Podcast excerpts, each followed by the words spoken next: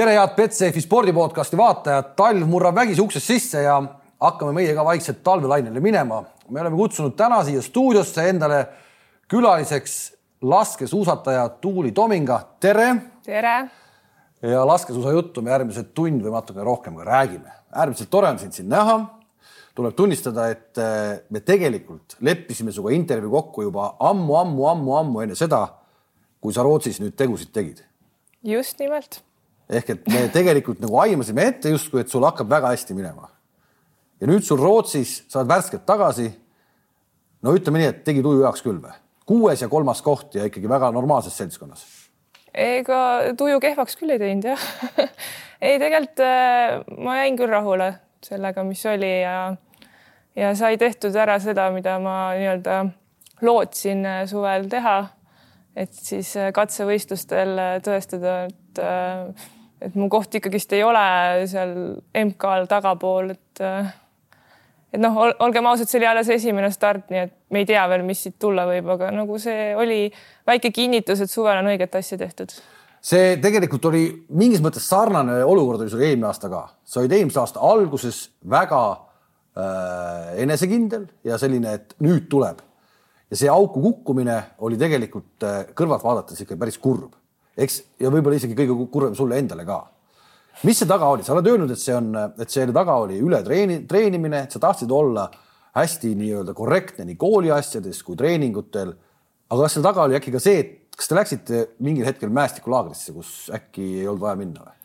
tead, seal on väga tobe asjade kokkulangemine ilmselt, et et ma ei, ma ei süüdistaks küll siin mingit mäestiklaagrit halba planeerimist, vaid pigem ikkagist oma lollusi, et no kõige suurem pauk oligi see, et ma üritasin olla nii-öelda tubli koolis, teha kõike maksimaalselt hästi ära, olla spordis tubli, teha kõik trennid nii ära, nagu peab, mitte arvestama siis sellega nagu, mida ma parasjagu tunnen või mis mu väsimusaste on, et äh, pluss ma üritasin nagu siis nii-öelda oma eraelus ka olla maksimaalselt tubli, et nii vähe, kui ma siin kodus olen, siis äh, olla lähedastega ja anda endast maksimumi nendega koos olles, et äh, eks sellel, sellel oli oma hind sellel tõmblemisel ja, ja eks neid unetunde jäi väga väheseks ja lihtsalt mingi hetk äh, keha ei jõudnud järgi mu elutempole. see ei olnud tegelikult ju põhimõtteliselt sul esimene hooaeg, mis sul äh, aia taha läks, et sa oled tegelikult selle üle elanud, see kaks tuhat kuusteist, seitseteist, kui oli see ütle see raske haiguse nimi sportlastel on, mis kopsu.... mononukleoos ja kopsuklamüüd on need kaks põhi, põhiasja. sa said selle kätte kuidagi ja, ja sul oli terve, terve hooaeg vahele. just nimelt, et äh, see ei olnud esimene kord tõesti et äh, pärast seda, kui ma juuniorite aastatel oma nii-öelda suuremad auhinnad kätte sain, juuniorite siis äh, Euroopa meistritiitli ja ja nipet-näpet seal muud niisugused suuremad äh, teod juuniorite aastatel, et pärast seda noh, ikka motivatsioon oli kõrge ja, ja tahtsid veel rohkem trenni rügada ja, ja veel rohkem panustada ja siis tuli välja, et nagu mida rohkem panustasin, seda rohkem ennast auku tõmbasin, et äh, lihtsalt mingi hetk kurnasin oma keha nii ära. samamoodi ei taastunud ära nendest asjadest, mis ma ette võtsin. ja korjasin omale külge siis kõigepealt mononukloosi, millest, millega alguses ma ei, ma ei teadnud, et mul mononukleoos on. ma lihtsalt võistlesin edasi, ei saanud aru, miks ma lihtsalt ei jõua, ma ei jõudnud isegi mingi hetk nagu rajal rahulikult tiksuda, rääkimata siis nagu tugevalt võistlemisest, et äh, et ma mäletan ülihästi seda, kuidas mul nagu niisugune tunne, et kerge viirushaigus, aga samas ei mitte midagi hullu. ma läksin võistlema ja läksin peale sõitu või lahti seda soojendussõitu tegema ja siis äh, tunnen, et ma ei suuda isegi rada läbi sõita. mul käis silme ees niimoodi ringi ja siis ma lihtsalt ütlesin oma eelmisele treenerile siis, et, et ma ei suuda, ma ei suuda lihtsalt enam püsti ka seista ja siis ta lihtsalt ütles, et okei okay,, mine koju ära. ja siis pärast seda läks nagu see nii-öelda viirushaigus nagu üle, tundus nagu hakkas paremaks minema, aga samas kõik hingamine, kõik asjad oli ikka nagu raskendatud. ikka ma ei jõudnud mitte midagi teha ja siis mingi hetk keegi arst soovitas, et äh, teeme sulle need mononukleoosi testid ära.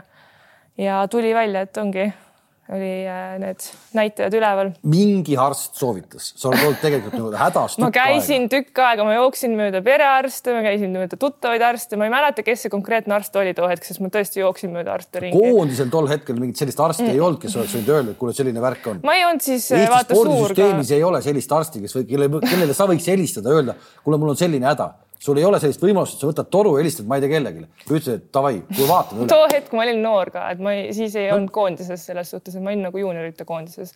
et noh, juuniorid. sa olid Euroopa meister olnud kaks aastat varem, Euroopa meister ja just, aga lihtsalt too hetk jah, ei olnud nagu see fookus nii-öelda noorte peal nii tugevalt, et äh, mul ei olnud jah, niisugust nagu kindlat inimest, kelle poole too hetk pöörduda aga lõpuks nagu sai selgusele, mis toimus ja sai nagu noh, sai arvestatud sellega, et too hetk oli juba hilja mingit raviasju teha, siis ma lihtsalt mingi hetk võtsin nagu koormused alla, tulin sellest välja.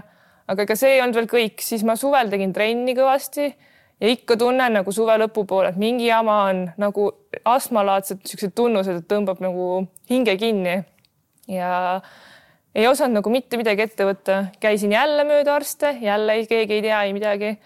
ja siis äh, lõpuks äh, meie siis eelmise koondise peatreeneri soovitusel ma läksin siis Soome arsti juurde.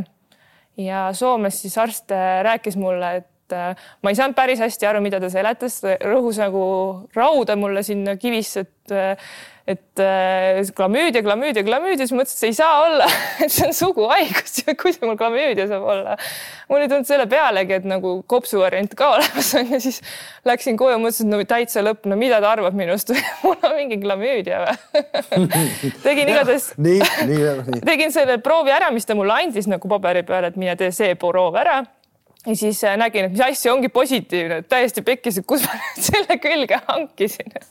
aga ühesõnaga tuli välja jah, et kopsuklamüüdia oli üleval. sellel hetkel ka, oot, see, see natuke kuidagi jätab sellest kogu sellest asjast, see on nii äh, populaarne haigus kuidagi meie regioonis äh, sportlastel ja mitte ainult sportlastel, tegelikult see ja tol hetkel siis ka keegi sulle kõrvalt sinu nii-öelda taustajõududest või treeneritest ei osanud, osanud, osanud öelda, et sul võib ka selline asi olla, et sa, et sa pead nii-öelda mingi oma suguhaiguse mõttega ringi käima ja ennast praadima, et mis kuradi asi see nüüd on. just nimelt, et äh, tead, ega mul ei olnud too hetk niisugust nagu kindlat inimest, kelle poole pöörduda see, see aeg, et äh, et pigem oligi noh see hetk Eestis ei olnud see asi veel nii tuntud või niisugune nagu levinud, et äh, sportlaste seas on nüüd hullult mingid klamüüdiad ja mononukleoosid, et siis oli see pigem niisugune, et ei teatud. nüüd on ja, et kui nagu tekib mingi kahtlus, tehakse kohe testid, et nagu see tekib äh, ületreenitusest, eks, see on üks nii-öelda. ei ütleks, et see ületreenitus on pigem on see, et nagu see ei pruugi seda trenniga oma organismi ainult ära korrata. minu puhul on ilmselge näide nagu vähesed unetunnid ja võib-olla siis nagu muu niisugune eraelus rapsimine ja ja kõik nagu no ütleme nii, et ma olen nagu mõnes mõttes maksimalist, et kui ma midagi ette võtan, siis ma lihtsalt võin ennast täiesti sodiks tõmmelda et.... no siin tuleb, siin tulebki natukene võib-olla ikkagi seda tausta seletada lahti, et miks sa seda teed, et, et sa tahad hirmsasti sporti teha, eks. sul ei ole vahendeid selleks, tegelikult täna on hästi populaarne rääkida, et kes saavad sporti teha ja kes ei saa, et kellel on kodune tugi olemas, kellel ei ole. sinu oled üks nendest, kellel võib-olla seda kodust tuge nii suurt ei ole, sa pead ise hakkama saama, algusest peale, põhimõtteliselt on see nii. eks sa pead tööl käima, pidid käima jah, eks ma käisin küll tööl, sest ma ei tahtnud vanemate rahakoti otsas Just. Äh, istuda. tahtsid olla iseseisev. nii, sa käisid tööl ja need ettevõtted või need kohad, kus sa tööl käisid, olid tegelikult ikkagi selles mõttes äh, üsna kurnavad, et see ei olnud lihtsalt, et ma olen kuskil nime nii-öelda paberil, nimi paberil, et ma saan selle eest palka, vaid sa olid poe, poes müüja ma olin jah, klienditeenindaja olen olnud ja siis ma olen, ma ei tea, ükskord käisin rallit turvamas, ühesõnaga niisugused juhuotsad, et nagu mitte pikemalt. seda kõike koondise kõrvalt jah, spordi kõrvalt. Nooremana ma jah, ametlikult koondise nimekirjas ei olnud too hetk, no võib-olla kui ma mingi periood olin koondise nimekirjas ja võib-olla siis äkki oli ka raudteeaastad ka raudteeaastad ka raudteeaastad oota, mis aastad, ralli turvanaise aastad, ka raudteeaastad ma kevadeti üldiselt võtsin siuksed projektid ette, et nagu paar kuud siis olen kuskil tööl, et, et noh, ülejäänud aja ma siis tegin siukseid juhutöid rohkem, et käisin võib-olla paar päeva ja siis sihuke veebisait nagu Go Work a Bit oli nagu üks sihuke hea koht, kus. see kõlab nagu, see kõlab, see kõlab nagu selles mõttes nagu, nagu noh, nii ei olegi võimalik ju tegelikult äh, päris tippu jõuda või on? ma ei tea, ma tegelikult tahaks uskuda, et on, aga samas nagu sa pead väga-väga hästi oma elu oskama planeerida ja noh, kuna ma nüüd võtsin omale nii-öelda koolikohustuse ka juurde siin üle-eelmine aasta, siis kooli, spordi ja ja hobide kõrvalt mul tõesti vist ei ole nüüd võimalik enam selliseid projekte ette võtta, et see on nagu kindel, aga aga ma kujutan ette, et nagu ainult sporti tehes see ei ole ka nagu kõige ideaalsem lahendus, et midagi peab kõrval olema. noh, ilmselgelt niisugune töö, mingi teenindaja olemine, noh, see ilmselt ei jah, need kaks asja võib-olla ei käi tõesti kokku, aga kui sa leiad omale mingi niisuguse töö, kuidas sa saad nagu planeerida hästi spordi tegemisi niimoodi, et need ei hakka segama, siis või noh, tähendab töö tegemist ei hakka sporti segama, siis, siis miks mitte nagu. no mingil hetkel sa olid ka äh, kaitseväe nii-öelda palgal, eks mm, -hmm. ja sellest on nüüd olnud palju juttu, et see nii-öelda asi lõpetati ära. kaitsevägi vaatas, et neil on raha otsas, et nemad ei saa ikka enam Eesti sporti toetada. tervitusi neile. et äh, kui suur pauk see tegelikult sulle oli, kui suur see raha oli, mis sa kaitseväest said? Ütleme nii, et see oli see raha, millest ma elasin. see nii. kattis kogu mu elukulud ilusti ära. ja äh, see oli päris suur pauk jah, aga noh, too hetk, kui see nii-öelda uudis välja tuli, siis äh, ausalt öeldes nagu võttis natukene hirmu naha vahele küll, et ma mäletan väga hästi, ma olin siis koolipraktikal äh,. tegime laboris igast asju, analüüse, noh, ma olin Pärnu haiglas siis ja järsku näen seda meili, et koondamisteade täiesti nagu pauk selgest taevast. ja siis nagu oli küll korra nagu mõtlesin, et appi, mis nüüd saab sest et ma olen aastaid ja aastaid otsinud sponsoreid ise nagu meili teel saatnud, helistanud ja möllanud ja no ei hakka nagu keegi konksu otsani öelda, et, et sponsorite otsimisel ilmselgelt mängivad põhirolli tutvused. ja kuna mul kahjuks neid tutvusi ei olnud, siis äh, too hetk ma mõtlesin, et nagu kui ma siiani ei ole ühtegi sponsorit saanud, et nagu kuidas ma siis edaspidi saan, et jah, mul oli mingi raha kõrvale pandud, et ma saaks paar kuud ära elada, aga nagu mis edasi, siis oligi niisugune tunne, et appi, mis nüüd saab? Aga õnneks üsna pea andis alaliit nagu omalt poolt märku, et nad ei jäta mind hätta ja ja nüüd siis õnneks leitigi mulle mõned sponsorid, et ma jään ellu mis, tähendab, et sa saad nagu süüa osta. ja, saan elada sa elad ikka täna kuidagi ikkagi nagu ära. ja see, kuidas ma praegult elan, see on ikka hoopis öö ja päev võrreldes sellega, mis ma mõned aastad tagasi elasin et.... nii et kas me võimegi öelda, et meil on, istub siin vastas sportlane, kes ei tahagi endale enam sponsorit ei, mitte seda ah., lihtsalt need aastad näiteks, mis olid eh, noh, ütleme kaks aastat tagasi ma käisin, mul tekkis võimalus teha ühte tööd, kus ma noh, saingi ise planeerida, palju ma nagu käin koha peal ja kuidas ma nagu jaotan trennide ja niimoodi töö osakaalu. ja ma reaalselt käisingi, ma tegingi seda tööd täpselt nii kaua, lugesin tunde, ahah, et nagu nii palju ma pean täna kohal olema, et ma saaks poest seda, seda, seda osta. et noh, see nägi välja niimoodi ja noh, ja enam sa seda ei tee. nüüd ikkagi no, sa lähed süüa, ostad, ostad poest süüa, sa, sa ju pead tegelikult toituma tervislikult, see ei ole ju ka ja, päris nii, et sa, et sa sööd ainult kiirnuudleid, eks. ei muidugi, absoluutselt. aga ei, selles suhtes need ajad, ma loodan, et on möödas, sest tegelikult ega noh, mõnus ei olnud sellise teadmisega elada, et mis homme saab, et. auhinnarahasid sa täna ju veel ei saa kuule, Rootsist juba sain natukene seal olid auhinnarahad ka mängus ikkagi jah ja, ja.? nii et see oli su nii-öelda kaks tuhat neliteist olid Euroopa meister, sellega ei kaasnenud vist ikkagi mingit.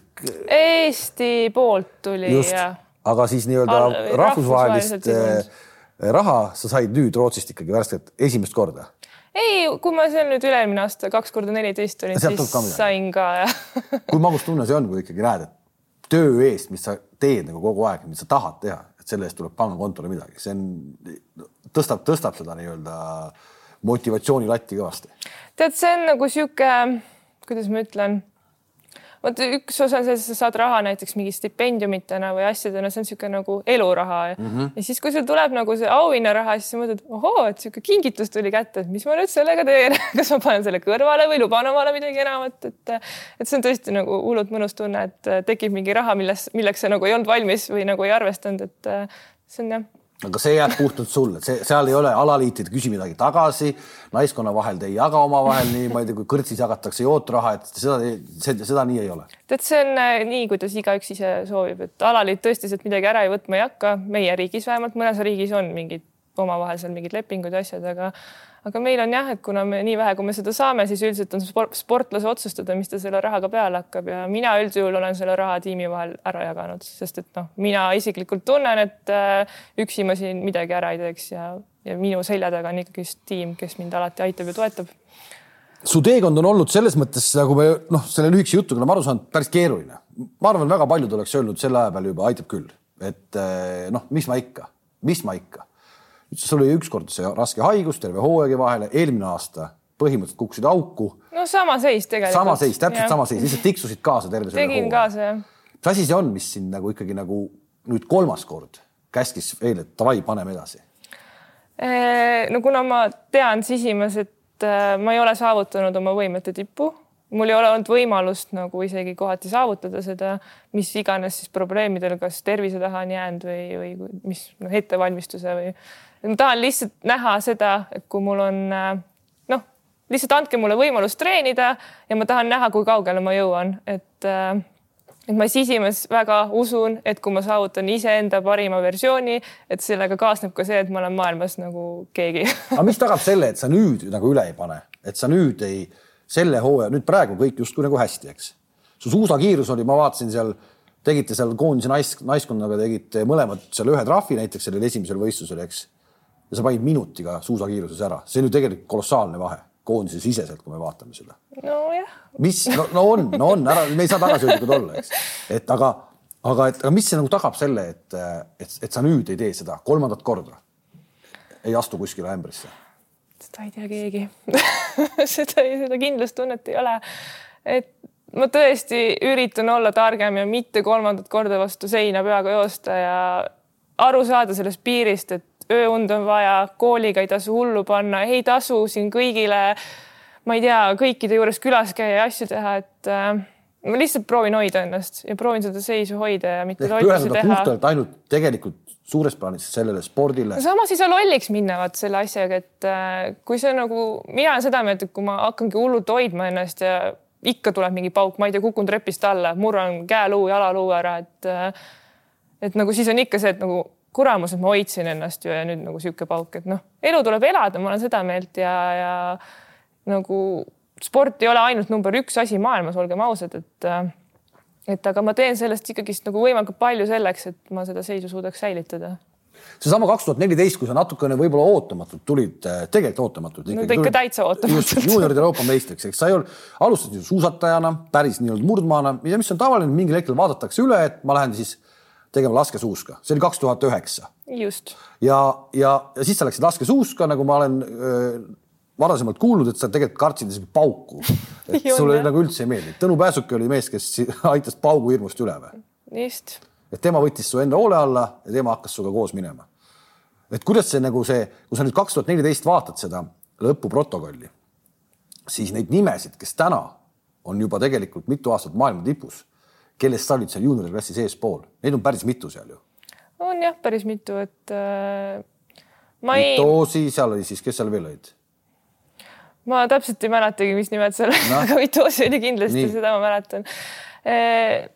tead, ma arvan, et see on võib-olla süsteemi küsimus, et äh, võib-olla siis nendel muudel riikidel nagu noortele, ma ei, ma ei kujuta, ma ei tea, mis süsteem neil on ausalt öeldes, aga võib-olla siis nad ei panusta nii palju sinna noortesse või nagu ei forsseeri selle treeninguga nagu nii meeletult, et et kui nad hakkavad nagu lõpuks tugevaid trenne tegema, nad teevad seda võib-olla siis vanemas eas ja siis nagu nii-öelda need, kes avalduvad, need avalduvad ka hiljem naiste klassis. sinna ma tahtsingi tegelikult natukene jõuda, ehk et see ületreenitus, me kuuleme seda tegelikult meie vastupidavusalade tegijatelt ju väga palju, väga palju kuuleme. ma panin siin üle, ma panin siin üle, ma tegin üle, nii edasi.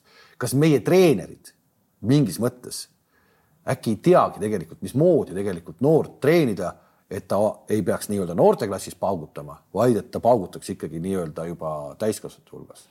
tead, ma ei ütleks, et siin tegemist võib-olla ületreeninguga on, pigem on võib-olla see, et treenerid ei, neil on nii suur koormus peal, et nad ei jõua nagu märgata, mis toimub ehk siis minu puhul on ilmselgelt see näide, et äh, et kui mu endisel treeneril Tõnu Pääsukesel oli oma viiskümmend õpilast seal lasketiirus, siis ta ilmselgelt ei jõua nagu kõigiga tegeleda ja ta ei näe, mida ma võib-olla seal metsas teen, et äh, et kui mul on see motivatsioon ja tuhin peal, siis tal ei ole kontrolli minu üle ja ta ei näe, kaua ma seal metsas olen või kui rasket trenni ma teen, ehk siis mina teen oma ajuga asju ja tema ei näe nagu, mis tegelikult toimub. treeningpäeviku nii-öelda treeningkava äh, annab ette, tol ajal andis siis Tõnu või täna siis Indrek või, või sa ise mõtled selle välja?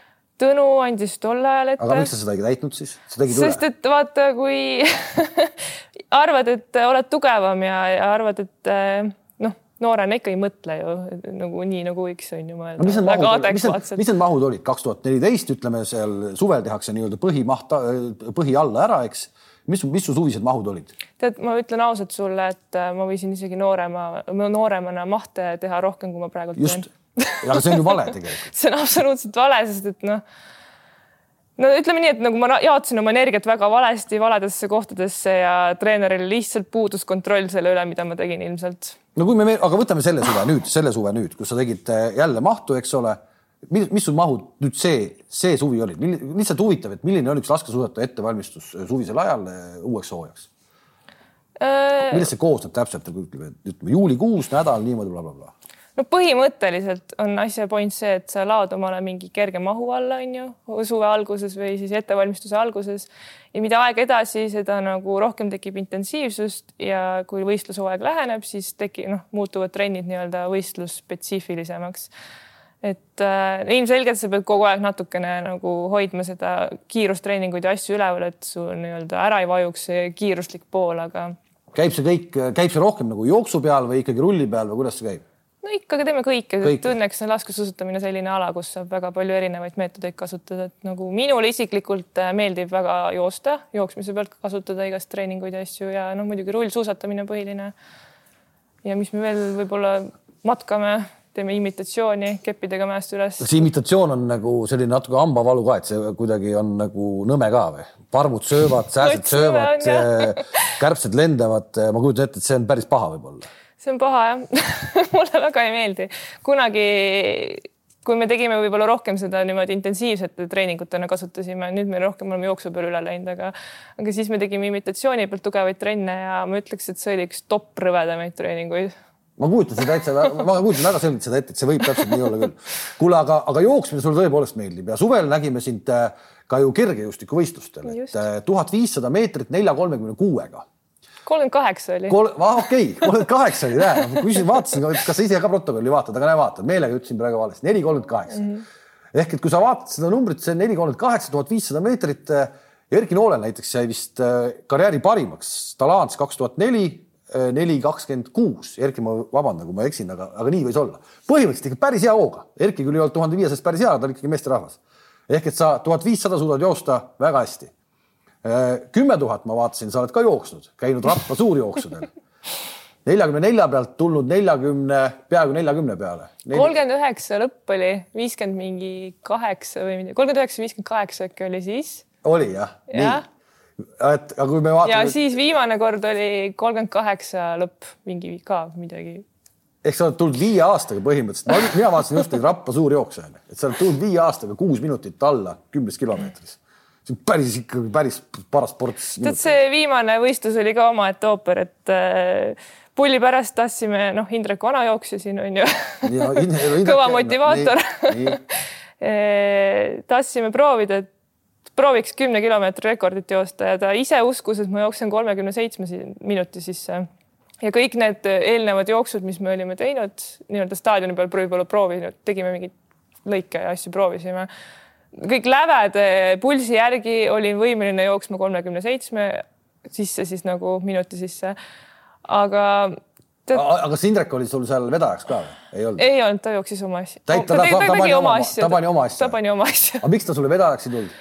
Sest et ta, ta tahab ka veel sporti nautida ja, ja teha. okei okay,, nii räägi edasi, väga huvitav.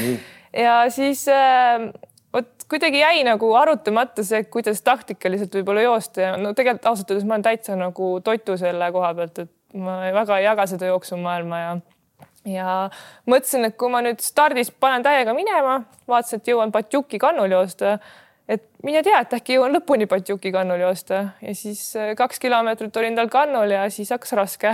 juba kahe kilomeetriga jah siis hakkas raske aga mis, aga jõudsid sa vaadata, mis, mis su pulsid tegid või mis sa tegid, kuidas sa, sa ei, siis järelikult sa ei jooksnud tol hetkel selle pulsi äh,. ei, ei, ei, ma olin ikka täiesti üle, täiesti Nii. üle ja ilmselt ma jooksingi ennast nagu totaalselt kinni niimoodi, et kuskil kolmandal kilomeetril mul oli juba nagu valus. seitse oli minna seitse oli minna ja neljandaks kilomeetriks ma sain aru, et mul hakkavad jalakrambid tekkima. Ja mul oli nii meeletult valus, et ma mõtlesin, et täiesti pekkis, ma pean maha tulema, ma ei suuda lõpuni joosta. ja siis ma mõtlesin, et appi kuus kilomeetrit on veel, ma ei saa maha tulla, esiteks, sest ma ei ole mitte kunagi lihtsalt maha tulnud võistlustelt, ühe korra olen tulnud, aga siis ma kukkusin. Et nagu põhimõtte pärast ma ei tohi juba maha tulla. Ja teine põhjus oli see, et see kuradi stardimaks nagu oli nii kallis. palju see oli siis? Kolmkümmend euri oli. kolmkümmend euri, muidugi, siis ei tule maha, muidugi loomulikult. ja siis ma ketrasin seda kahte asja, et ma ei saa nagu selle kahe asja pärast maha tulla. ja siis äh, ma lihtsalt jooksin ja korrutasin omale, et äh, ma ei anna alla, ma ei anna alla, ma ei anna alla. ma lihtsalt nutsin ja jooksin ja siis ja, ja siis läks mingi hetk läks Leila Luik või ma ei mäleta üks luik läks no, mööda. Neid luike on tuvastada keeruline. Läks mööda, siis mõtlesin, et nii mine pekki, ma olen nüüd kolmas, ma pean sellest kohast kinni hoidma, aga mul on nii valus. Ja siis äkki kaks kilomeetrit või kolm kilomeetrit oli lõpuni ja siis läks veel üks tüdruk mööda ja siis ma mõtlesin, et täiesti pekki, et nüüd ma olen nagu neljas. Ja ma üritasin tal kannul püsida ja ma mäletan, mul oli nii kuradi valus, mul silme ees virvendas, mu jalad olid nagu puutükid all, nad täiesti valust tuikasid ja, aga ma üritasin seda nagu vahe jäi samaks, ta jooksis must mööda, vahe jäi samaks, aga ma ei jõudnud jah, ma ei suutnud. aga nii ja lõpetasid lõpuks selle võistluse siis naiste Lõp... hulgas? neljandana, neljandana ja. ja ma jooksin üle finišijoone ja need pildid, mis ma pärast nägin netis lihtsalt komöödia. aga, aga, aga seda on praegu kõik naljakas rääkida, aga on see mõistlik tegevus? kurat, ma ei tea vist ei olnud. vist ei olnud. mis, mis, mis Indrek pärast ütles, et eh, oli seda vaja kõike teha niimoodi, nagu sa tegid või, või ei olnud? selles mõttes, et organism sai kõva pingutuse, see, et ma alla ei andnud, kindlasti andis mulle nii-öelda tagasiside nagu, et võib-olla edaspidi ka ükskõik kui raske mul on, nii raske mul ilmselt mitte kunagi enam olema ei saa. ja kui ma sellest nüüd ära taastusin, see võttis umbes nädal aega, kuni mu lihased lõpuks nagu liikuma hakkasid. kümne kilomeetri distantsi peale taastumine võttis nädal aega aega. no nädala pärast ma suutsin juba kükke teha kangiga, et nagu enne seda. ometi sa olid ju ennem treeninud ja kõik asjad teinud, eks. ma jooksin ennast lihtsalt nii katki. pingutus oli nii suur, kümne kilomeetri peale, tundub nii lühike distants, eks. sa jooksid ennast täitsa sodiks. ma jooksin sodiks ennast jah ma kõndisin auto juurde pärast niimoodi, et ma oleks mitu korda ääre pealt käpuli käinud, sest mu jalad lihtsalt ei liikunud ja see oli lihtsalt üks selline tavaline väikene rahvajooks põhimõtteliselt. ja sa läksid, sportlase hing oli sees. sportlase hing. kui sa suusatad, kui sa suusatad, kas sa suudad ennast suusatades nii sodiks sõita? tead, suusatamine nats, teine asi, vaat seal on nagu laskumised ja asjad, kus on mingigi taastusmoment, et äh, ilmselgelt ja rulli pealt nüüd suvel ma olen ka päris korduvalt sõitnud niimoodi, et silme ees virvendab ja eks on neid momente olnud võistlustel ka, kus ma niimoodi pingutan. et silme eest on must ja vaevu näen neid raja ääri on ju, et äh, aga lihtsalt see suusatamisel, mis ma olen tähele pannud, tähendab seda, et ma pean päris heas vormis olema, et ma suudaks niimoodi pingutada. et praegult siiani veel ei ole jõudnud. veel ei ole, mis on isegi hea märk mis on hea märk just, see on hea märk korraks selle jooksu juurde, kui me võtame näiteks norrakas äh, Theresa Johaug, suusataja, murdusuusataja, paugutas kümme kilti staadioni peal. oli natuke üle kolmekümne minuti või? kolmkümmend üks oli. no, no ütleme kolmkümmend üks, nelikümmend äkki oli või? isegi nii või? okei okay,, ikka. no ikkagist ülihea aeg. saad sa nagu aru, kuidas see võimalik on? ma ei saa aru, ma tõesti ei saa aru ehk et sa, sa, praegu, sa kirjeldasid praegu oma kümne kilomeetri jooksu, eks. ja sealt oli ikkagi veel seitse minutit, kuus minutit, kuus pool minutit aeglasem no see selleks, aga lihtsalt, kui ma vaatan teda nagu noh, ta ülakeha, tal on nagu ülakehas ka meeletult nagu massi selles suhtes, et jooksjad üldiselt siis nagu ei ole ülakehast nii no,. temal peab olema ülakehas sellest. jah, sest et ta suusatab, onju. vaja kätte jõudu, eks. et äh, et ta on ikka nagu meeletult hea mootoriga ja no see on kahtlemata, ta ongi lihtsalt talent, midagi pole öelda mm. -hmm. aga uskum, uskumatut aega jooksis küll, eks ole kui sa suusatad, äh, siis äh, sa oled sada seitsekümmend kaheksa, sada seitsekümmend üheksa senti pikk, eks, enam-vähem nii. Äh, selles maailmas ilmselt sa oled üle keskmise pikkusega, eks. Need rajad, kui ma vaatan lihtsalt puhtvisuaalselt, vaatan neid radu täna, need kunstlumerajad, enamik on kunstlumerajad, eks nad ei ole minu arust nagu väga pealmise, pealmine kiht ei ole liiga nagu kõva. et sa nagu, et hästi palju sumbatakse sellise pudru sees. No see ikka oleneb. kas see teeb su elu raskemaks ka või mitte? oh, teeb, eks sul on ju selle tõttu kohe raskem sõita. no minu, ma olen jah, nagu paras kännuämbliks seal pudru sees ausalt öeldes, et ei koordineeri väga oma pikki jäsemeid ära. aga selles suhtes, et ma ei tea, ma ütleks, et on ikka pooleks kuskil. tihtilugu, kui ongi väga-väga pudrune, siis äh, maailmakarika etappidel vähemalt hoolitsetakse selle eest, et äh, see rada, rada jääks kõvaks, ehk siis pannakse soola et ta tõmbab kõvaks ja siis on minu jaoks kõik tingimused tagatud. ehk see kõva rada, kõva rada nii-öelda suur noh, jäine rada põhimõtteliselt nagu USA-s näiteks oli, eks. hoopis teine asi, seal oli kõvasti pakast, kus sul hästi läks ja, ja kohe teine asi. kas sa suusatamises mingil hetkel äh,, sul on see püss, kõik need muud jutud äh, äh, kuidas ma ütlen, mitte nagu hirmu ei tunne, vaid, äh, vaid on mingi, kuskil mingid rajad, kus sa nagu ütled, et kurat, see on liiga paha, et siit ma ei taha sõita, siit ma täiega ei julge ja nii edasi, nii edasi no ma arvan, et ma vist olen üle keskmise julgem laskuja onju. ja, ja noh, omal ajal siin Swedbanka etappidel murdmaasuusatamises sai suusakrossid kõik kinni pandud, kus ma võistlesin et ma nagu selles suhtes selle teadmisega nagu alati lähen neid laskumisi asju, et ma saan hakkama ja mul ongi nagu päris hea tasakaal ja asjad, aga on neid momente, kus ma ikkagist nagu löön veidi põnnama, sest et. ja läheb sahka ära läheb sahka ära, sest et äh, võistlusolukorras ikka jalad lähevad kangeks, tihti ei koordineeri ära neid kurve ja asju ja nüüd kasvõi siin Rootsiski. Mul jälle olin oma jalakrampidega hädas, aga noh, selles suhtes mootor kõik toimis, aga lihtsalt ongi see, et nagu mõistus ütleb, et see kurv on lihtne, aga jalad ei tee oma tööd ära ja siis sa lihtsalt peadki sahka laskma kogu aga, lugu. aga on, aga on sellel mingi seletus ka, sa räägid mitmest korda jalakrampidest juba, on sellel mingi seletus ka? joo otsa vähe, see ei ole nii lihtne lahendus tead, võib-olla see on mingil määral minu eripära, et, et võib-olla kaldun kergemini kui keskmised sportlased, et mis ei ole muidugi väga positiivne, aga, aga siiamaani olen hakkama saanud ja noh, Rootsis sain ka hakkama, nii et äh, ma, olen, ma olen optimistlik. põhimõtteliselt me võime siit välja lugeda selle, et, et kui kuskilt purakas tuleb, siis tuleb see niisugusest lühikesest sprindist ei, ma ei ütleks seda, et seal on palju asju, eks see nagu raja profiil ja raja siis nii-öelda, kust, kas ta on jäine või liiga pehme, et need mängivad ka rolli, et nagu kui on rada sihuke jäine, siis sa hakkadki hoidma ennast nende lihastega, mida sa nagu üldiselt väga palju ei kasuta, hoiad nagu pinges neid ja need lähevad krampi. ja vastupidi on siis ka nagu liiga pehme rajaga nagu siis, kus ma suudan ka ennast krampi tõmmata ja Rootsis oligi ehe näide sellest, et esimene päev oli väga pehme rada sumpasime seal paksus selles lumeplägas onju ja teine päev siis soolatati, oli jälle nagu ekstreemselt nagu jäine rada. Et ilmselt siis nagu need kaks rajaolu siis mängisid olulist rolli selles, et mul jalakrambid tekkisid. Äh, on sul mingit nagu, ma ei tea, on teil mingid data andmed või võidusõitjatel on niisugused data andmed, nad saavad vaadata nagu kus nad, kus nad nagu võidavad, kus nad kaotavad? ja meil on. saad sa vaadata, et sa, et sa, et sa oledki, kes sa laskumiste peal võidad või kus sa võidad? meil on äh, ringi peale ära jaotatud need äh, nii-öelda split time'id ehk siis, issand, kuidas ma eesti keeles ütlen. no split on split, split, no, split kõik jah. saavad aru, me oleme rallirahvas nii e, Neid on umbes mingi kaks-kolm kohta on ju, mingi umbes, et stardist siis kilomeetri, esimese kilomeetrini, kilomeetrist siis mingi, ma ei tea, umbes kahe kilomeetrini on ju.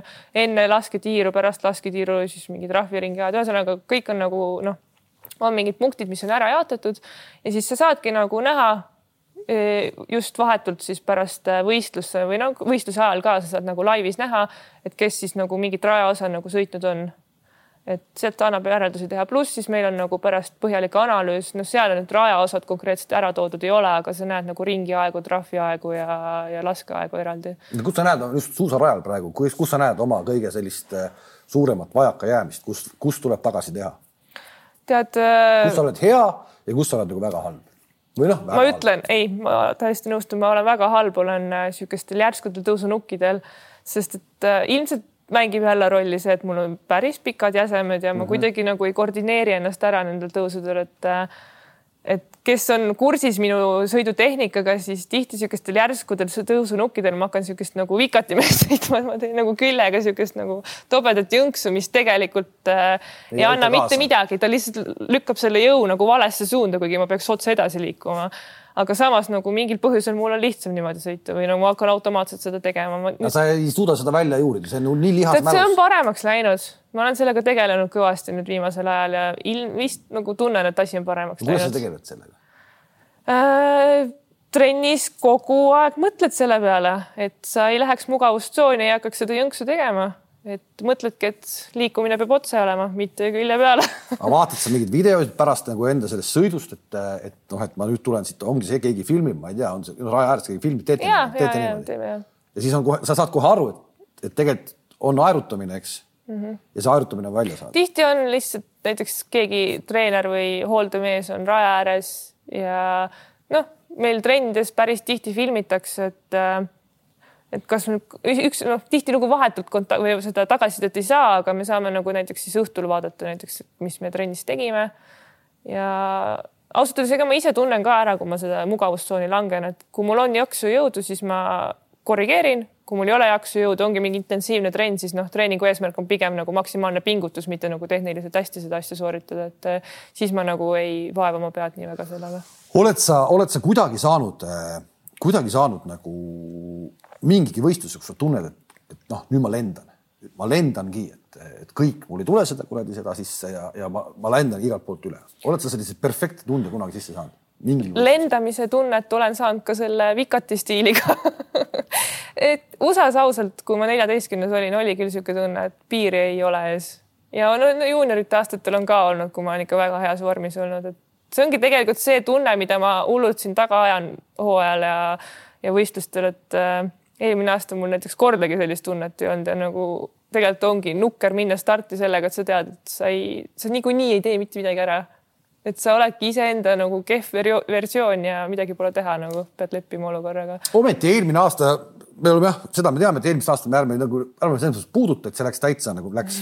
aga see Poljuka viimane, jah, see oli ju nii, et, et sa olid ju tegelikult top kahekümnes enne viimast tiiru. seal tegid paar möödalasku kaks või kolm? paar, kaks. Kaks, nii, kaks.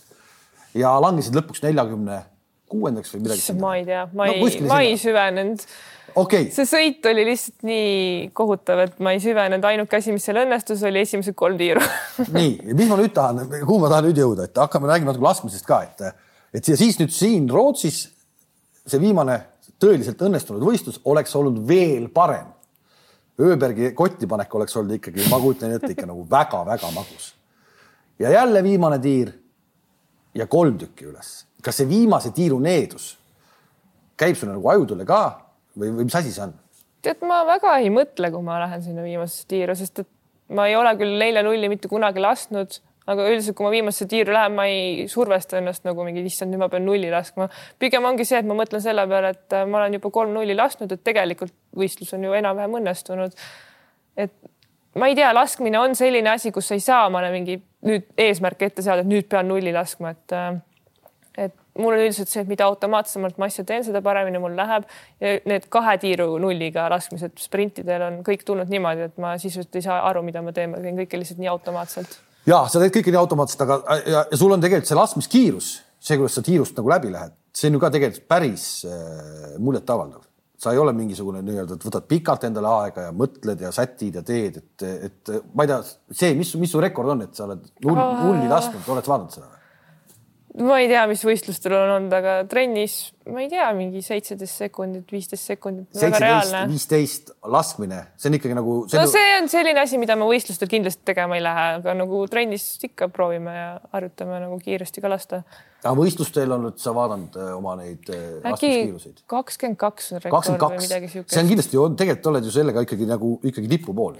no pigem ma arvan, et see laskekiirus ei ole nüüd see, millest nüüd nii hullult kinni hakata, et äh, see oleneb täiesti sellest, kuidas sa sinna tiiru tuled, mis seisus sa tuled ja kui nagu suur on su nii-öelda väsimusfoon et mida suurem on väsimusfoon, ilmselt siis sa pead võtma rohkem aega hingamiseks. arusaadav äh,. su äh, protsendid, kui me vaatame siit äh, püsti laskmise protsente kaks tuhat seitseteist, kaheksateist, seitsekümmend kaheksa, kaks tuhat kaheksateist, üheksateist, seitsekümmend kaheksa, eelmine aasta kuuskümmend kaheksa.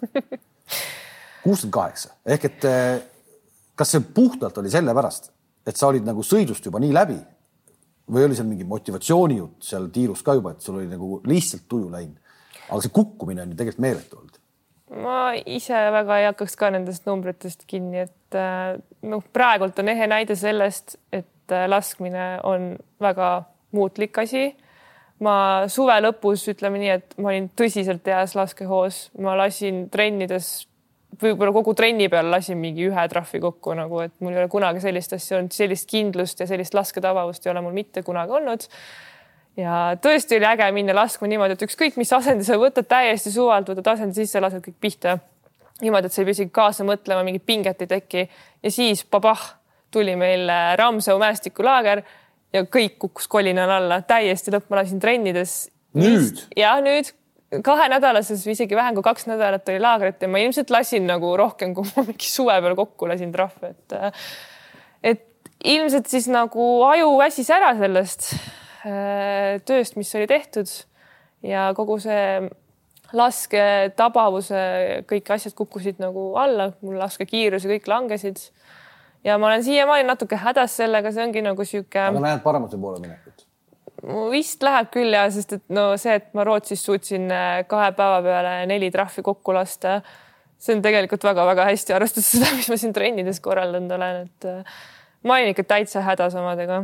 aga mis see, see kõlab nagu, võtame lihtsalt numbriliselt, mitu pauku sa suvel ettevalmistuse ajal nagu, kui sa trennides teed, palju sa nüüd laske teed? sul on enam-vähem seal loetud? Tead, ma ei ole väga sihuke. no on see, on see, on see number viissada, on see, ma ei tea, täitsa lambist, on see viissada, tuhat, tuhat viissada pauku? keskmine trenn on kuskil sada padrunit on ju. me käime nädalas viis korda umbes laskmas. nii, nädalas viissada pauku seda ei ole ju ometi vähe ei, vähe kindlasti ei ole jah. kas, aga kas sellest muutuks midagi, kui sa teeksid seal trennis kakssada pauku, kas see nii-öelda lihasmälusse jääb ta paremini või see on juba tegelikult juba see tarbetu? kahe otsaga asi, et äh, sa võid seal paugutada küll, aga kui sa omale lihtsalt vale asendi sisse treenid või vale päästmise sisse treenid, siis see on lõpuks toob sulle hoopis kahju et kesti ei ole mõtet tekitada, sa pead peaga kogu aeg kaasas olema ja laskmisega ongi see, et kui sa saad mingi hetk aru, et sa ei suuda peaga kaasas olla, sa teedki mingeid mõttetuid laske või lähed emotsiooniga kaasa näiteks. no mul on, olen kahjuks niisugune inimene, kes võib-olla keeb tihti üle, onju, siis lasen trahve, siis mul on see, et ma ei saa ära minna trennist niimoodi, et mul jääb nagu mingi halb, palju nagu märk üles, onju, et ma lihtsalt äh, tihtilugu istun seal tiirus ja jäängi laskma ja laskma ja laskma ja siis lihtsalt treener tõmbab mul väevõimuga selle relva käest ära. kallis ka ikka jah, kaua sa ikka kulutad siin neid padruneid, et äh, kesti ei ole tõesti mõtet teha. ja no sa pead lihtsalt tegelikult peab aru saama mingi hetk, et sellest tööst ei ole kasu, mida sa praegu teed. kas, kas, kas, kas laskmise jaoks võtta, ma ei tea, kas teil on mingi sihuke puhas lasketreener või, või, või et noh, et täielik mingi oma ala laskmise tipp et kas see aitaks laskesuusatamises, kus mängitakse seda asja tegelikult ju ikkagi pulsi pealt väga palju, et kas see aitaks teid või ei aitaks või, või, või võetakse selliseid spetsialiste või ei võeta? ma isiklikult tunnen, ma ei tea, ma ei oska teistest rääkida, aga ma ise tunnen, et minu jaoks on tiirudes väga oluline see, et mul on inimene, kellega ma saan vahetult arutada, mis valesti läks või, või nii edasi, et et laskmine pigem on puhas sihuke tööala, et mida rohkem sa harjutad, seda paremini läheb. noh, muidugi ongi see, et sa pead piiri ära tajuma, et sa ei hakkaks nagu endale vastu töötama. kesti tekitama. kesti tekitama, just et äh, mina isiklikult jah, tunnen, et keegi teine ilmselt ei saaks mind nagu väga palju paremaks muuta, et see ongi puhas see, mis mul siin kahe kõrva vahel toimub.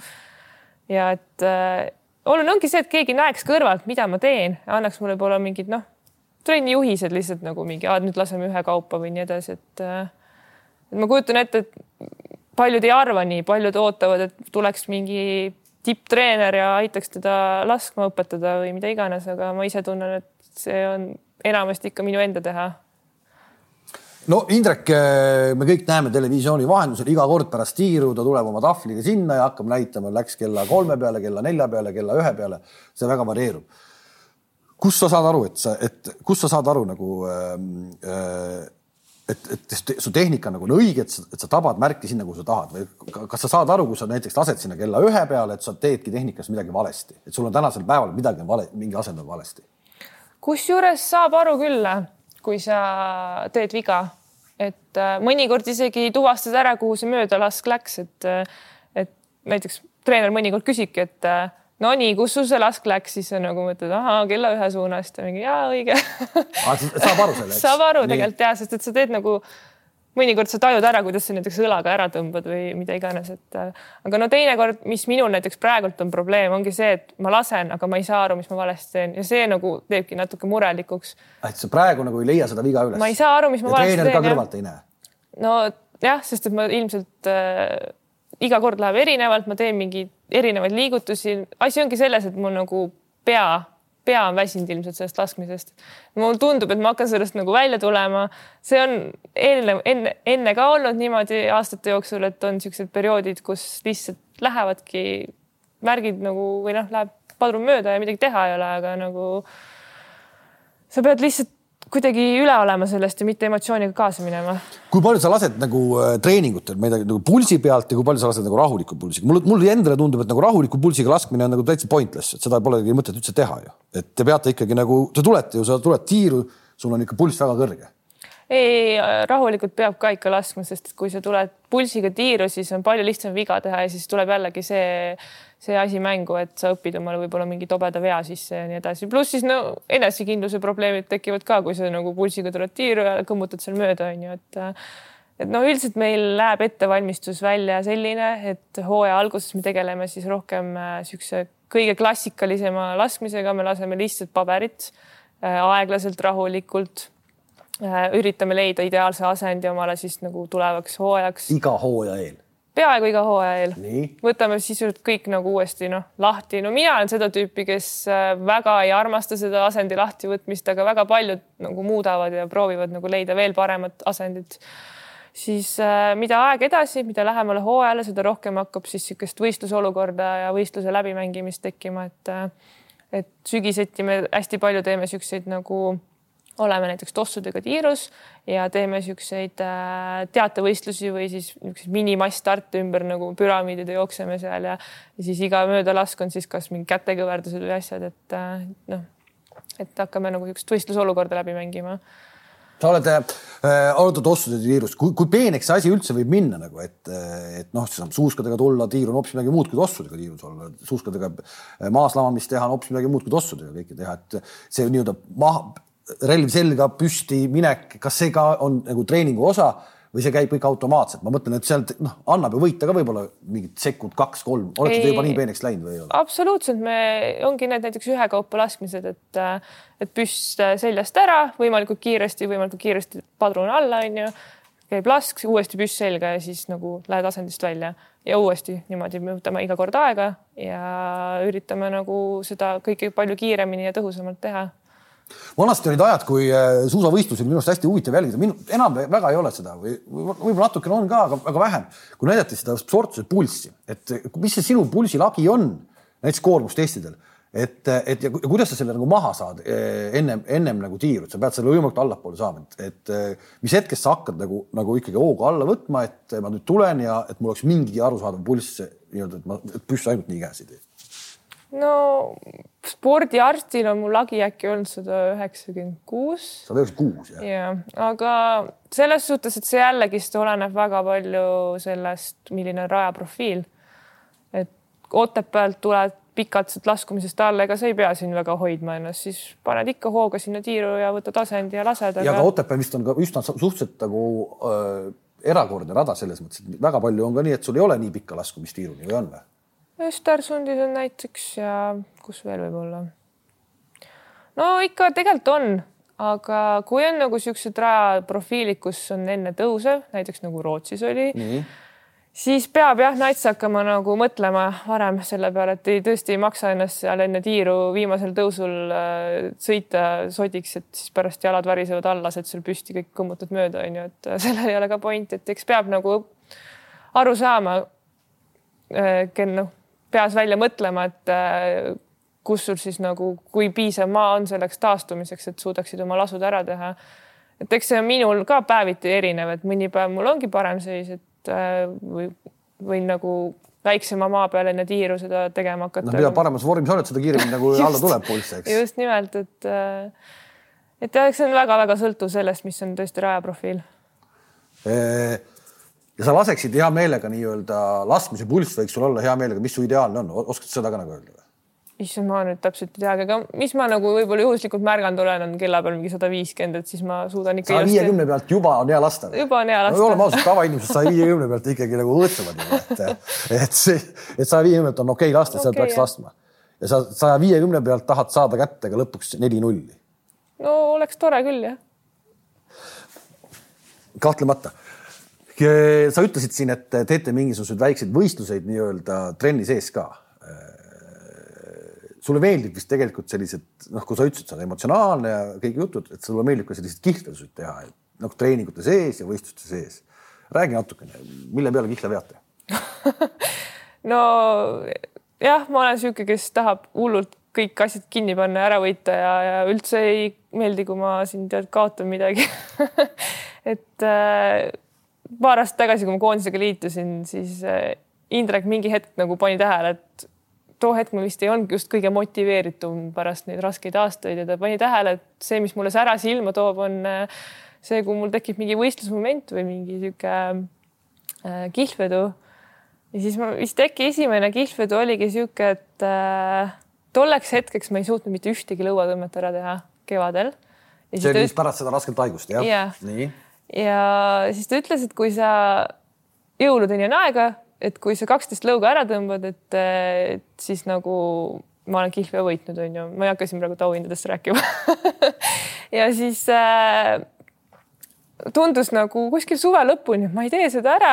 Ja jõululaupäeval siis võtsin kätte ja läksin sinna jõusaali ja ma ei tea, ma arvan, et mul vist võimeid ei olnud kaheteist lõua jaoks, aga tahtejõud oli nii suur, et ma tõmbasin need kaksteist lõuga ära. nõksuga või ilma nõksuta? nõksuga ikka. nõksuga ikka. aga noh, anname andeks, anname andeks et, et, et okei okay,, aga ja, ja siis see käib nii-öelda selline võistlus käib teil pidevalt kogu aeg? kogu aeg lihtsalt. kas, kas see Indreku teataval määral omapärane outfit siin äh, ERR-i ekraanil, mis tal olid siin, äh, see oli ka kihva tulemusena või mitte? ei, see ei olnud see talle lihtsalt endale? talle lihtsalt endale ta meeldis? jah, ju siis. keegi talle nagu ütles ka midagi ei ole öelnud, aga, aga jah. See on tegelikult natuke naljakas ja et ta ise vist läheb ka selle hasardiga hullult kaasa, ta tahab ise ka hullult üle trumbata ja siis meil on jah, kogu aeg mingi, mingi teema. Milline see koondise meeleolu on tervikuna, et äh, palju olete koos tegelikult? Suhteliselt palju, eks? Nägupidi koos äh, äh, ikkagi omavahel ka konkurendid mingil määral isegi mitte väiksed, vaid tegelikult ikka, milline see meeleolu koondises on, kui me päris ausalt räägime nüüd no.?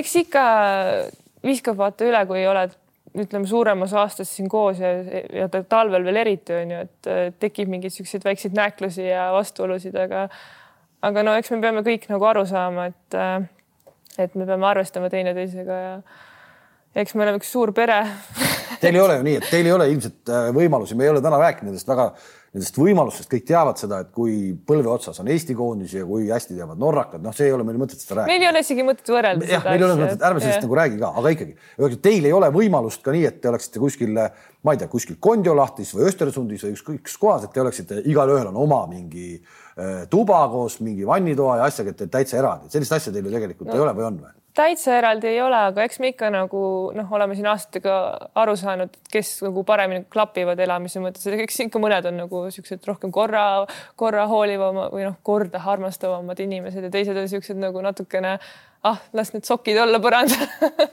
et noh, pannakse nagu üht tüüpi inimesed ikka kokku, et äh, nii palju me oleme saanud siin jagada, jah. kui on, kui, kui, kui, kui suur on kõige tõsisem sisetüli, mis sinu aastatel koondises olnud on? No neid on olnud, aga ma arvan, et ei ole mõtet kinni jääda nende juurde, et las need olla. kui suur tüli on olnud, et ei, kui, ei, kui mitu et... päeva omavahel ei räägi et ikka nädal on, nädalaid on olnud jah.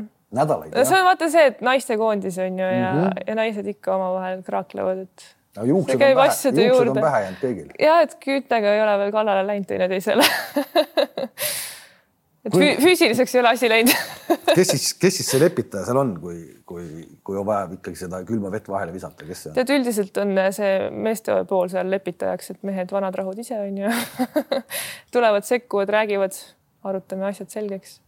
ometi on neil ka kindlasti ka neil omad mingid pinged, et. kindlasti on ja, aga noh, nagu ikka noh, naised on naised ja mehed on mehed, vaata, et mehed suudavad kuidagi teevad, lahendavad asjad kas russikatega korra, ära ja asi korras, aga naistel jääb nagu asi võib-olla natuke kussitama või kripeldama, et nii see on sa oled äh, ühes oma mingisuguses väikses blogis või kuskil oled öelnud, et sa nagu, äh, ma ei tea, kas sa täna mõtled ka veel nii või mitte, aga et sa oled öelnud, et sa tahaksid, et, et, et sa oleksid nagu Eesti rahva, meie tuuli, nagu oli meie Kiku, eks. et äh, kas sa selle nimel kõike seda asja praegu nagu kannatad ka, et sa ikkagi tahad saada selleks meie, meie tuuliks ma ei tea küll, kust sa selle välja võtsid, aga ise oled kirjutanud, ise oled kirjutanud.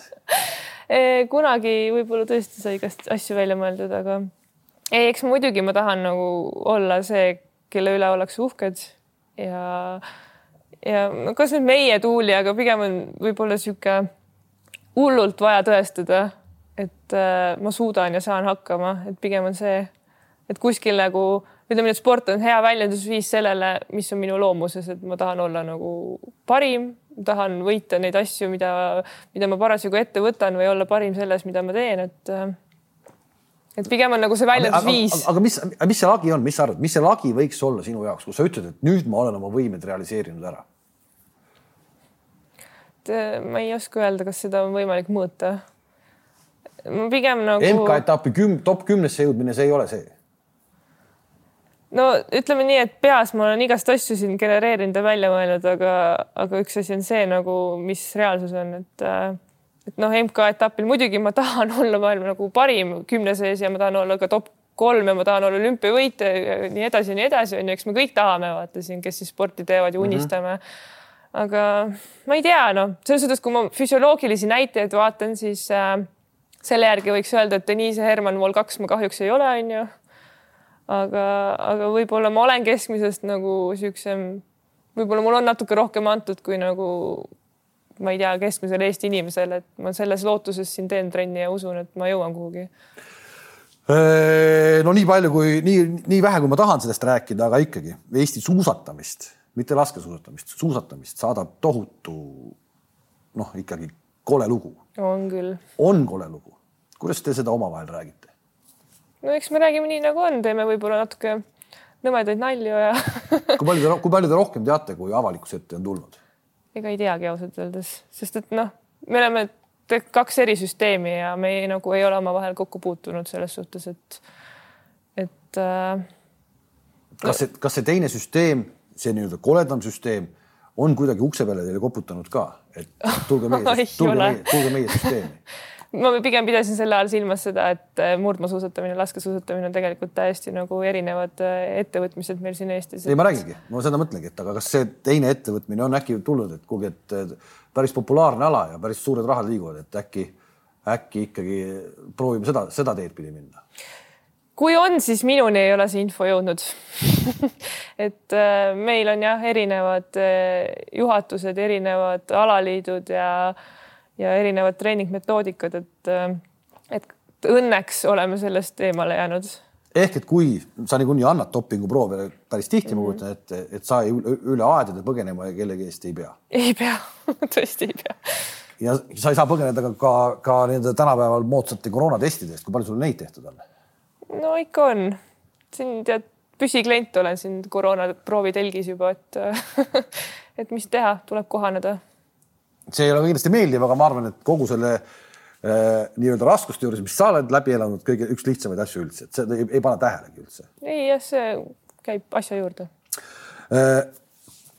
nüüd, kui uus hooaeg algab, siis äh, see on novembri lõpus juba Soome ja sellel aastal on see kalender, ma ei tea, kas sa, sa usud, et see, et see sõidetakse ära, see, see paganama hooaeg täpselt nii, nagu nad teevad ehk et väga palju etappe nii-öelda on järjest kohe ühes kohas, eks, ja siis on reisimine järgmisesse kohta jälle paar etappi. et on see nagu parim lahendus, mis on ühele kalendrile tehtud või mitte? no nüüd hiljuti tuli välja, et Peking jääb ära, nii-öelda eelolümpia MK-etapp. et ma ei tea, mis seal lõpupoole toimuma hakkab, aga aga hooaja algus peaks olema plaanipärane. no nüüd Austria pandi ka lukku. ma ei tea, mis, kuidas see olukord lahendatakse, aga aga ma arvan, et äh, kuna see laskesuusatamine on niivõrd populaarne ala ja sinna on väga-väga palju panustatud, televisioon, kõik jutud on maksnud selle eest, et saaks seda näidata, me oleme nii-öelda kui toode neile, siis tehakse kõik ikka selleks, et see kuidagi ära peetakse, peeta saab no kuidagi toode küll, aga, aga tribüünid tühjad, et ma, eh, noh, see on ju fantastiline seal Kesk-Euroopas vaadata seda, seda tribüüni mm. kaasaelamist kõik see on täiesti pöörane no,. see on omaette jah. see on juba ikkagi nagu, nagu, nagu spordipidu kõige paremas mõttes. nüüd on need tribüünid tühjad. kui palju, sa oled kindlasti tühjade tribüünide ees ka sõitnud, eks, et eh, võib-olla olukord ei ole sinu jaoks nii eh, muserdav võib-olla kui mõnele Kesk-Euroopa tipule seal, eks, aga, aga ikkagi, kui palju see muudab? Lähed sa närvi, kui seal on mingi kaheksakümmend tuhat inimest vaatab seda? noh. ei, mitte seda. satud sa, satud sa näiteks mingi, ma ei tea, tipuga seal tiiru, kõik hõiskavad talle, sa pead seal kõrval ka midagi tegema. no üldiselt ongi see, et kui ma võistlustel tiirus olen, siis ma teen asja automaatselt, ma väga ei saa aru, mis mujal toimub aga.... suudad sa ennast niimoodi välja lülitada, jah? ma ei tea, see käib iseenesest, kui ma pingutan, no kui ma ei pinguta väga kõvasti nagu eelmine hooaeg, noh, ma muidugi pingutasin, aga ma ei suutnud endast võib-olla nii palju maksimaalselt välja anda, siis, siis ikka vaata, see on ka põhjus ilmselt, miks püsti siis see kuuskümmend kaheksa protsenti oli, onju. Mhm. aga, aga võistluse olukorras võib-olla siis, kui sa raja ääres oled ja rahvas sulle karjub, et mine, mine, mine, heia, heia, heia, onju, kes siin kuidas karjub, siis äh, see nagu midagi annab juurde aga samas ta nagu nii suurt rolli ei mängi. pigem ongi see, mis on enne ja pärast võistlust, see melu ja nagu kui sul läheb hästi, siis sa nagu lihtsalt see naudid seda, et sul läks hästi, pluss siis kogu see melu, mis seal ümber on, et see on nagu väga-väga võimas tunne. ja see ongi see nagu, miks ma suvel trenni teen ja, ja selle nimel nagu talve nimel ma siis nii-öelda elan, et et äh, kahju muidugi, kui nagu rahvast ei saa tulla vaatama, aga aga noh, mis teha võistlust tuleb ära pidada ja, ja lõppkokkuvõttes on ikka kõik nagu maailma tipud joonel. see poodiumile jõudmine sellises kohas, mõtle Õnneks ei ole jõudnud veel. et maitse suhu jääks et äh, ei, ütleme kahjuks tegelikult, aga nagu noh, ma arvan, et kui nagu tühjade tribüünides poodiumile astuda, siis kas nüüd nagu lahjem, aga ta ei ole kindlasti nii emotsionaalselt võimas tunne kui, kui ikka täistribüünidel. täna võtaks vastu selle ikkagi. võtaks vastu küll jah sinna ei ole enam palju jäänud, kui me hakkame seda nägema kõike, kas, kas saame lähedale või mitte. Eh, igal juhul on nii-öelda lootused ja ootused sul endal ka, ma ütlen, et kõrgemad kui, kui muidu. kuidas see, kuidas see teie see reisimine käib, et kui ma nüüd rääkisin, et, et Rootsist tulid alles nüüd, täna me oleme siis teisipäeval, sa eile jõudsid sa ütlesid, sa ei tulnudki üldse lennukiga, vaid tulid laevaga. ja, ja ongi autoga sõidate siis või? no lähematesse kohtadesse liigume autoga jah. aga üldiselt, kui me lähme laagritesse, siis äh, hooldetiim ja treenerid liiguvad siis mööda maad ja siis äh, A-tiimi sportlased liiguvad siis lennukiga ja siis nagu, kes soovivad, saavad siis nagu väljaspoolt koondist, kui nad on muidugi laagrisse lubatud siis äh, saavad liik-, tulla ka nagu lennukiga oma vahenditega. sul oli, äh, sul on üks tegelikult üks äge auto, seda, see lugu on minu arust ilus, et äh, tõesti, see ilus lugu, see on no, selline äh, natukene võib-olla erandlik Eesti spordis või Eesti rahva hulgas üldse, et Hiiul on üks, üks kamp spordifanatte, kes isegi sporti teha ei oska, aga telekast vaatavad. ja siis nad tulid üks päev sellele mõttele, et kingivad ühele laskesuusatajale auto nagu ja nüüd sellest on saanud traditsioon ühe auto sa sõitsid juba põhimõtteliselt nagu ribadeks ja nad andsid sulle uue. ja see auto saabki rakendust nagu üle Euroopa kogu aeg. no see on tegelikult väga suureks abiks tõesti, et äh, see, et ma siin kodus saan liikuma, see, ma ei kujutakski ette nagu, kuidas ilma üldse autota hakkama saada, et äh, et ilmselt, kui mul ei oleks seda autot, sõidaks ma mingi viiesaja eurose autorondiga aga, aga see on väga suureks abiks laagrites käimisel ka tõesti, et äh, meil on küll võimalik KBC rendist busse kasutada, aga mõnikord on niisugune tobe olukord, et nagu kahte bussi ei ole mõtet kaasa vedada, et siis on nagu buss ja auto ja siis on nagu minu auto on siis äh, nii-öelda lahendus olukorrale. väike asi minu arust nagu äh, sellises, sellisele ühele pundile, kes ma saan aru, igaüks maksab kuus vist kakskümmend eurot või midagi sellist kogu selle asja eest, aga, aga, aga ma arvan, poistele endale hästi selline huvitav, huvitav nagu jälgida sind ka ju, et noh, et näed, meie ikkagi sponsoreerime, eks, et, et võib-olla nagu nagu äge, et sa jät-, sa loodad, et see koostöö jätkub ja nad ei nõua sult ju tegelikult mitte midagi, eks. täiesti uskumatud inimesed lihtsalt andsid auto ja väga tingimusi mulle ei seadnud, et et ütlesid, et näed, sõida ja olümpiani on rahu majas kui, kui palju üldse selliseid sponsoreid on, kes eh, nagu ei nõua midagi või, või Eestis ilmselt võib-olla äkki ongi need sponsorid, kes tegelikult lihtsalt annavad nagu, nagu heast tahtest? pigem heast tahtest jah, et keegi nagu väga ei eelda, et äh, nüüd sa pead midagi konkreetset tegema või, või siin, ma ei tea, demonstreerima, et vähemalt mina ei ole kokku puutunud sellistega. sa käid ka koolis ka, nagu me oleme siin korduvalt rääkinud, paari sõnaga, et mida sa õpid siis täpselt, mis asi see on? ma õpin Tartu Tervishoiu Kõrgkoolis tervisekaitsespetsialistiks. kes sinust saab siis lõpuks, saabki seesama, kes äh, hakkab äh, Terviseametist meile rääkima, kuidas maski kanda või? võib-olla küll, aga minu suund võib-olla oleks rohkem sihuke inimese oma nagu isiksuse tervis, et äh, et ma nagu üldiselt niisugust rahvatervist vist taga ajama ei lähe, ma arvan. aga eks näis. aga sa tahtsid teha mingit koolitööd, ma ei tea, mis sellest saanud on, sa tahtsid teha koolitööd teen, teemal, kuidas see nii-öelda emotsionaalne mõjub seesama Covidi periood inimesele emotsionaalselt, inimesele või sportlasele? sportlastele, just Eesti tippsportlastele. nii, käib see hetkel praegu või? nojah, tegelen nüüd andmeanalüüsiga, et mul on julged sa öelda, kes sul nagu modellid ka on või? Ma ei hakka jah, ma ei tohi öelda. ei tohigi öelda ei tohi öelda. ai, ai, nii. ma taotlesin eetikakomiteelt luba ja, ja seal on jah omad tingimused. aga millal seda lugeda saab või see jääbki ainult nii-öelda spetsialistide lugemiseks? ei, kui see valmis saab, siis kindlasti võib lugeda, aga ma ei oska ennustada täpselt, millal see valmis saab.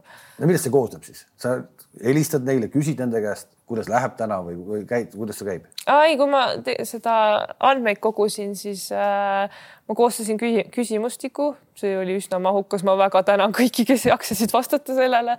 ja siis ma hakkasin levitama seda läbi EOK ja alaliitude, et, et siis nagu vabatahtlikkuse alusel inimesed vastasid, sest nad peavad ikkagist aru saama, et kui nad sinna mingid teatud andmed panevad, et kui ma väga-väga tahan, siis võib-olla, võib juhtuda, et ma panen mingi pildi kokku, aga aa, sa ise ka ei tea nagu täpselt? ma ei tohiks jah kursis olla, kes mida on saatnud täpselt okei okay,, mis, aga vähemalt, mis see pilt nagu näitab siis, kuidas, kuidas neil läheb siis, kas nad vastavad seal nagu ausalt? või öeldakse, et ai, kõik on hästi? Täitsa tegelikult seinast seina, et mõni asi on küll üllatavalt sihuke, et ohoh, et nii rängalt mõjus ja teised on nagu siuksed, et. saad sa tuua, saad sa tuua mingi näite? see tegelikult on ju, ma arvan, see ka üldse tavainimestele, kogu see periood, kui see nüüd ükskord läbi mm -hmm. saab ja siis hakatakse tegema nii-öelda kokkuvõtteid, mis see nagu on inimestele, kuidas see mõjunud on see võib olla tegelikult päris ränk osadele, ehk et sa oskad öelda, et selle väikese uuringu põhjal juba Eesti tippsportlaste näitel on meil tippsportlasi, kellele on mõjunud rängalt.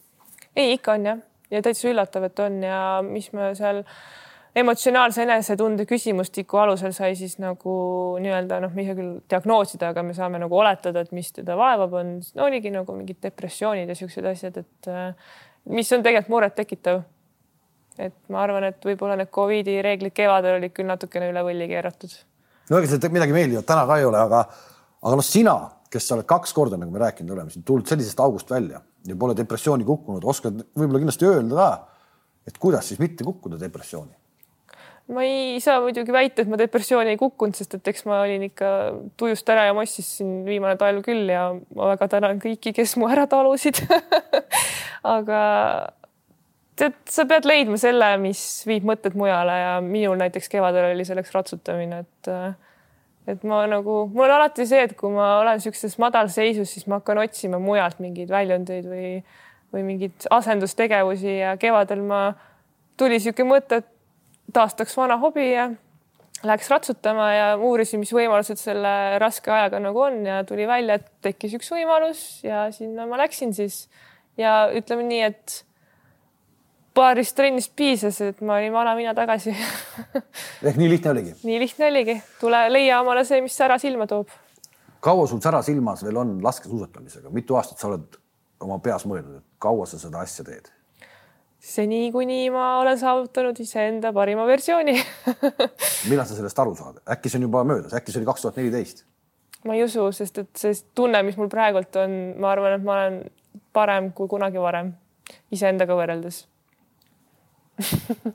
ja nüüd eks näis, kas ma lähen veel paremaks, ehk siis, mis ma öelda tahan, ongi see, et kui areng toimub, et ma näen mingit liikumist positiivsuse, positiivsuse suunas, siis nii kaua ma ilmselt teen sporti ja see näitab ka seda, et nagu kui ma saan ainult paremaks, siis mul on ainult suuremad šansid maailmas läbi lüüa ja ja kui ma mingi hetk enam ei arene, siis tuleb leida elus mingi muu väljund. soovitad sa, ma ei tea, täna sina olid kaks tuhat neli, olid, äh, mis sa olid, kümneaastane, üheksa, üheksa aastane või midagi niimoodi? kaks tuhat neli. jah, kui sa hakkasid suusatamisega tegelema. suusatamisega hakkasin ma tegelema kaheksa aastaselt. nojah, umbes niimoodi, eks. soovitad sa täna kaheksa aastastele, üheksa aastastele tüdrukutele, et davai, hakake ka tegema suusatamist ja siis laskesuusatamist, tasub see kõik ära tead äh, absoluutselt, kui nagu saaks suusatada, minge muidugi, see on üliüliäge, sest et need treeningmetoodikad on äh, või meetodid või vahendid, mida sa saad kasutada treenimiseks, on nii erinevad, et sul ei viska lihtsalt üle nagu need trennid, sa saad ujuda, joosta, palli mängida, jõusaalis käia, mida iganes. et äh, muidugi, kui on nagu võimalik kuskil, ma ei tea, Eestis lund ei tule maha kunstlumerajal kasvõi suusatada, et siis muidugi minge, aga kui sul on nagu siukses kuskil väikses külas, kus ei olegi võimalik suusatada, siis ma arvan, et seal pori sees niisugust suusatamist imiteerida võib-olla ei ole kõige targem tegu aga vast ikkagi läheb, läheb talvedega ka paremaks, et, et, et saab ka Eestis suusatada. no lootus sureb viimasena jah. kuule, igal juhul ma väga tänan, hästi tore oli, hästi huvitav oli, ma soovin sulle siis, et neli nulli tuleks ära sellel aastal, neli nulli. jääme jälgima. nii, siis me räägime sellel aastal top kümne kohast MK-etapil. ennustamisega ei ole ei, mõtet tegeleda. okay,, jah. siis äh, teeme selle hooaja üldse lõpuni korralikult, on ju. ja see, alustame sellest, eks ole ja, ja et siis, äh, ja et siis Poljuka, Poljuka MM-il läheks kõik nii nagu peab aitäh sulle ja, ja Eesti laskesuusatajatele kõiki tervise ja, ja nüüd te lähete varsti siit Eestist jälle minema ja siis me jäämegi esimest MK-etappi ootama. Ja, ja ärge siis väga liidu omavahel minge. proovime aitäh, et vaatasite. Tuuli Toomingas oli täna meiega Eesti laskesuusa naiskonna koondise võib-olla, et selle aasta esinumber. aitäh, et vaatasite ja kohtumiseni. nägemist